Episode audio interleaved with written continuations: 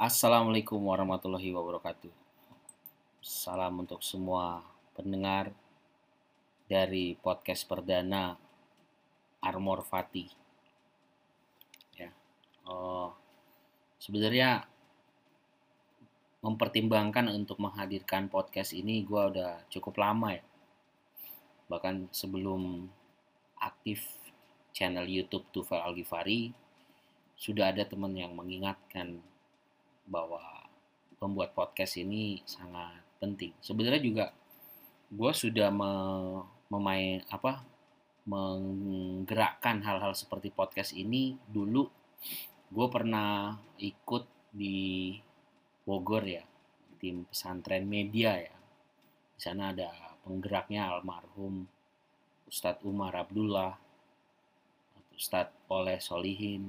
Gue di sana ikut mensupport pembuatan-pembuatan uh, kita bilangnya radio udara kalau nggak salah dulu jadi kita bikin rekaman audio seperti radio terus kita kirim ke eh, radio-radio uh, yang ada di seluruh Indonesia. Tapi dulu namanya bukan podcast, ya radio udara aja seperti itu. Jadi kita rekam terus kita kirim terus diputar di radio-radio di hampir di setiap daerah di Indonesia tuh ada ya yang yang minta oh, radio udara itu. Tapi belakangan ini podcast lagi banyak yang minta. Setelah sebelumnya gue juga mengaktifkan channel YouTube gua sudah kurang lebih uh, yang benar-benar aktif ya channel YouTube-nya sendiri sih dibuat di tahun 2014 cuman gue nggak tahu cara ngelolanya baru dikelola secara serius ketika gue bertemu dengan pemain turntable gue Mas Pram dan dia memberikan banyak masukan dan ikut mengelola bersama sejak bulan Februari tahun 2019 jadi udah setahun lewat ya udah setahun lewat. Nah cuman oh, kita mempertimbangkan apakah channel YouTube ini akan membahas hal-hal yang serius atau tidak karena lagu-lagu gua tuh udah terlalu serius lagu-lagu Tufel Algifari ya. serius-serius bahas politik lah agama bahas sosial macem-macem nah, akhirnya ada satu rubrik di dalam channel gue tuh namanya Perspektif to File Al-Ghifari. Perspektif to File Al-Ghifari ini ngebahas perspektif gue secara subjektif tentang sebuah topik yang sedang hangat dibicarakan di tengah masyarakat atau di dalam bahasa sekarang mungkin sedang viral. Dan tentu itu jadi topik terfavorit setelah orang-orang mendengar lagu gua. Jadi di channel gue tuh orang paling suka denger lagu doang. Nggak semuanya mau denger uh, konten-konten gue yang lain. Nah kalau dari apa ya surveinya dari grafiknya rankingnya yang pertama orang buka channel gue tuh pengen denger lagu gue jadi pendengar lagu gue tuh di situ tinggi banget yang kedua di channel gue itu orang denger rubrik perspektif ini tapi sekarang perspektif Tufel Al-Ghifari rubriknya di, udah nggak ada tuh di channel. Jadi isi kontennya ya santai-santai, nggak jelas. Karena gue merasa bahwa lagu gue udah terlalu serius, gue nggak mau ngebahas konten yang serius juga. Gitu. Tapi karena ada permintaan podcast, gue mempertimbangkan lama dan mendiskusikannya cukup lama dengan Pram ya. Dan tentu dengan tim manajemen, itu salah satunya istri gue akhirnya kita mengudara lah malam hari ini kita mengudara kita langsung produksi secara santai. Nah di podcast ini sebenarnya transformasi dari rubrik perspektif to Ghifari cuman gue pengen lebih kasual lebih santai ya kan? Pembahasannya tentu sangat subjektif melihat sebuah masalah dari perspektif Tufel Al-Ghifari. Nah, yang gue tekankan di sini karena memang podcast Armor Fati ini dibuat untuk pendengar lagu-lagu Tufel Alifari. Jadi kalau lo nggak suka sama Tufel Alifari, gue saranin lo nggak usah denger podcast ini. Klik mati deh. Oke sampai situ aja podcast kita buat lo semua yang nggak suka. nah, nah tujuannya ya gue ingin memberikan perspektif gua dengan niat untuk mencerahkan, untuk berbagi eh, bahan-bahan untuk lo pertimbangkan ketika lo menyikapi suatu hal, suatu isu yang ada di tengah masyarakat. Gue sih berharap pendengar Tufel itu bisa cerdas, nggak sumbu pendek, gitu kan? bisa berargumentasi.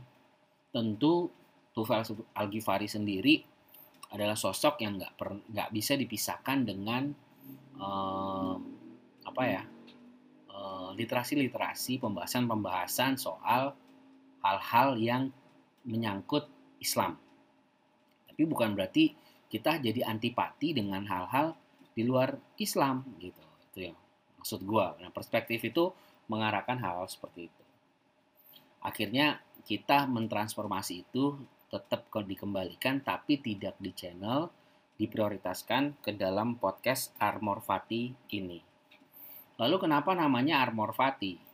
Sebenarnya kata armor fati ini kan gue ambil dari kata amor fati. Nah, ini dia nih.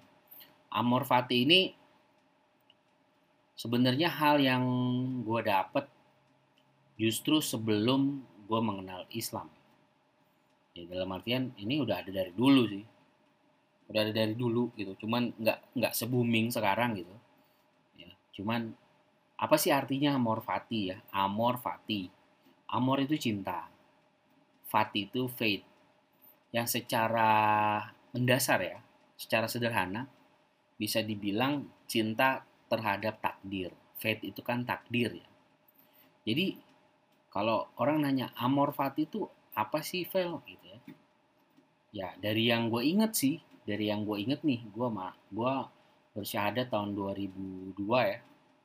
Berarti sekarang tuh udah 18 tahun. Jadi gue kalau nge-review 18 tahun yang lalu apa itu amor fati ya dia sebenarnya ekspresi manusia sih. Jadi banyak orang salah paham amor fati itu dibilang ateis ya.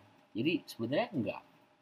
Orang yang sudah memahami amor fati justru dia meyakini Tuhan kalau cenderungnya ke agnostik mungkin bisa iya bisa juga tidak gitu. Tapi intinya sih dia punya trust dengan yang namanya Tuhan. Amor fati ya. Kecintaan dia pada itu pada kehidupan. Jadi karena dia mengenal Tuhan dia menghargai kehidupan. Sederhananya seperti itu. Nah eh, apa? Orang-orang yang memiliki prinsip amor fati ini eh, selalu paham bahwa mereka tuh bukan tipikal orang yang hidupnya berpasrah kepada apa yang terjadi dalam hidup mereka. Kepada kondisi alam mereka tidak tidak seperti itu ya. Dan dan apa? Mereka uh, selalu antisipatif nggak mudah menyerah ya. Dan mereka bukan tipe orang yang oke okay, gue takdirnya begini ya begini. Mereka tuh tipe orang yang kalau di dalam salah satu surat di dalam Al-Quran tuh Allah tidak akan merubah nasib suatu kaum kecuali kaum itu mau berusaha merubah nasibnya. Nah, sebenarnya ayat ini nih sudah menjadi representatif representatif dari amor fati tersebut. Cuman eh, nilai-nilai uh, kemanusiaan karena orang-orang amor fati ini sangat-sangat menghargai kehidupan. Orang-orang yang memahami amor fati ya maksudnya. Secara sederhana seperti itu. Jadi dia nggak mau merusak, nggak mau menyakiti orang, ya secara secara sederhana mungkin bisa dikatakan dampak output dari orang yang melatih dirinya terhadap amor fati ini adalah humanity-nya tuh dominan banget gitu jadi ini yang yang paling penting ya, ya. maka dari kata amor fati inilah gue memplesetkannya menjadi armor fati. Karena memang kalau bicara amor fati, lu nggak akan bisa melepaskan diri lu dari salah satu tokoh filsafat bernama Friedrich Nietzsche. Ya, ini dia nih. Apalagi dulu sebelum itu, sebelum gue kenal Islam, gue juga ada lagi pembahasan tentang Ubermensch. ribet lagi nih. Ini harusnya ada Kang ini ya, Kang Bebek ya, Ridwan Awijaya dari Garputala nih, band Pang Garputala. Mungkin nanti bisa gue undang juga tuh. Dia kalau dia ngejelasin kayak gini nih bisa tuh. Tanpa apa menyalahi perspektif perspektif keislaman. Jadi dia bisa mengajarin orang Frederick Nietzsche tapi kita bisa filter. Oh ini yang nggak sesuai ya kita filter. Karena tetap sebagai muslim patokan kita adalah Nabi Muhammad Shallallahu Alaihi Wasallam nah itu dia prinsip dari amor fati tersebut ya jadi secara sederhana pun sikap ketegaran ada dalam seorang yang memahami amor fati dan dia uh, optimis di sisi lain untuk bisa mendobrak takdir-takdir dia, keterbatasan-keterbatasan dia untuk hidup yang lebih baik dan lebih bermanfaat. Ya, kurang lebih seperti itu sih. Karena kalau mau dibahas panjang, panjang banget ngebahas amor fati. Nah, akhirnya dari dari amor fati ini gue plesetin jadi armor fati. Kenapa dari amor bisa jadi armor? Karena ada tauhidnya tuh, ya kan?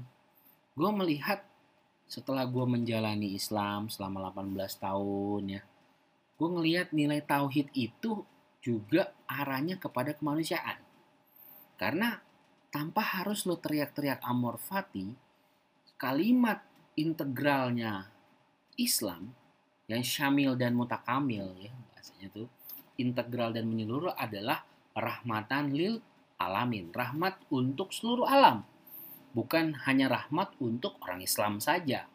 Maka ketika gue menemukan kalimat rahmatan lil alamin, sebenarnya di sini sudah terkandung nilai-nilai amor fati tadi. Itu, itu makanya dengan adanya semangat rahmatan lil alamin, amor itu pun menjadi armor, menjadi tambah kuat gitu. Itu kenapa gue menggunakan kata armor. Gue plesetin dari kata amor ya. Lalu fati.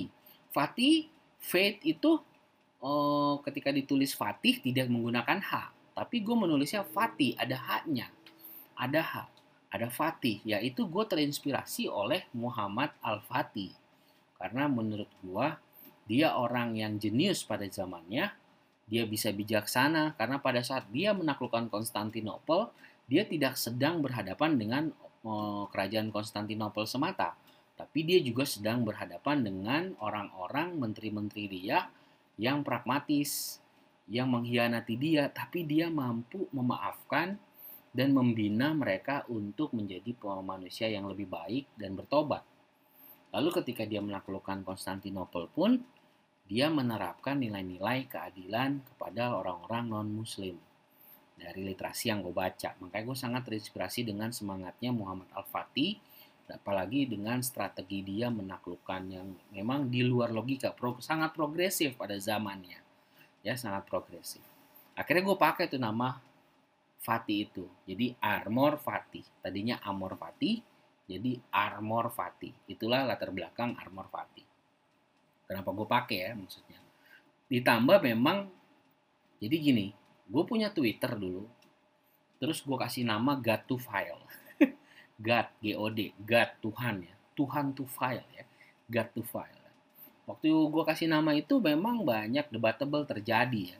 Debatable di antara eh, termasuk pendengar-pendengar gue yang inbox gue ataupun WhatsApp ke nomor manajemen. Kenapa? Apakah gue merasa Tuhan? Sampai ada yang bilang, apakah gue menjadi seorang ateis? Kembali, ya enggak lah. Gue insya Allah, gue muslim, ya kan?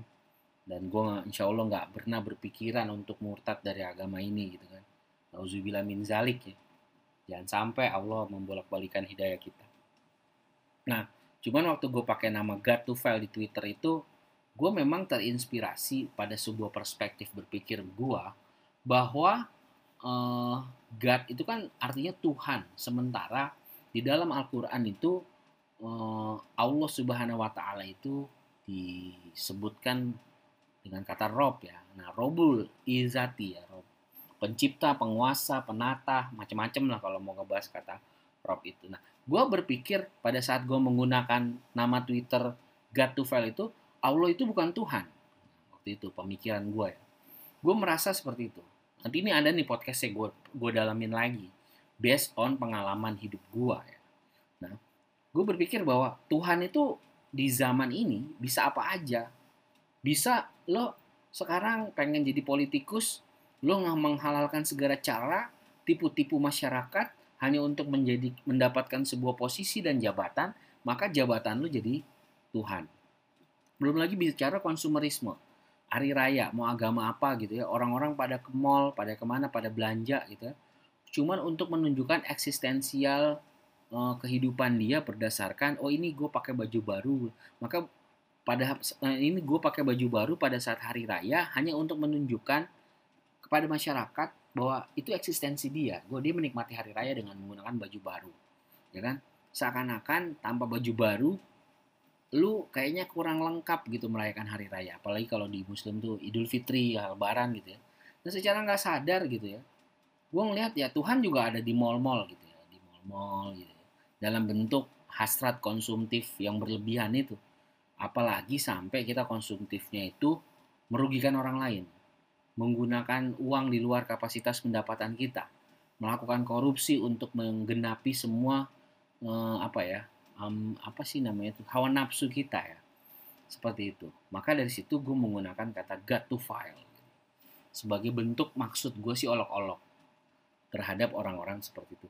Akan tetapi ini menjadi polemik. Hingga akhirnya gue mendapatkan nasihat dari seorang guru dari Yogyakarta. Ya ini orang mengingatkan gue tentang nama itu ya, ya gue nggak perlu sebut namanya ya ya intinya dia juga orang yang nggak jauh dari masjid Jogokarian Jogja ya. Uh, dia memberikan gue masukan dan gue menerima masukan itu cuman gue minta waktu. Gue minta waktu untuk mencari nama pengganti dari God to File di Twitter gue sampai akhirnya gue menemukan nama Armor Fati ini maka gue ganti Twitter gue menjadi Twitter. Namanya menjadi Armor Fati nah itu dia. Uh, juga itu menjadi latar belakang kenapa gue pakai nama Armor Fati dan akhirnya nama itu juga yang gue pakai buat podcast ini gitu. Armor Fati ini juga yang akan gue pakai untuk nama yayasan. Jadi gue punya cita-cita sama istri gue pengen punya sekolah ya. Gue pengen bikin sekolah gitu. Sebenarnya ide ini udah banyak yang punya ya. Udah banyak malah yang udah jalanin tapi gue pengen juga punya gitu. Sekolah untuk anak-anak kurang mampu gitu. Suatu saat gitu mungkin gue bisa memiliki itu gitu kan. Gue pengen melayani masyarakat lah dari situ meskipun gak seberapa gitu ya. Ya gue pengen akhirnya nama yayasan yang gue pakai juga yayasan Armor Fati. Itu ya itulah latar belakang nama Armor Fati buat teman-teman. Ya gue kalau ada hal yang kurang tepat menjelaskan tentang Armor Fati gue mohon ma maaf ya karena udah lama banget juga gitu gue udah meninggalkan buku-buku Nietzsche ya dan filsafat-filsafat karena gue banyak mendalami agama eh, selama 20 tahun terakhir ini kurang lebih ya gue sampai hari ini pun belum selesai-selesai gue belajar Islam itu aja. Sampai ketemu lagi di episode selanjutnya. Bismillahirrahmanirrahim.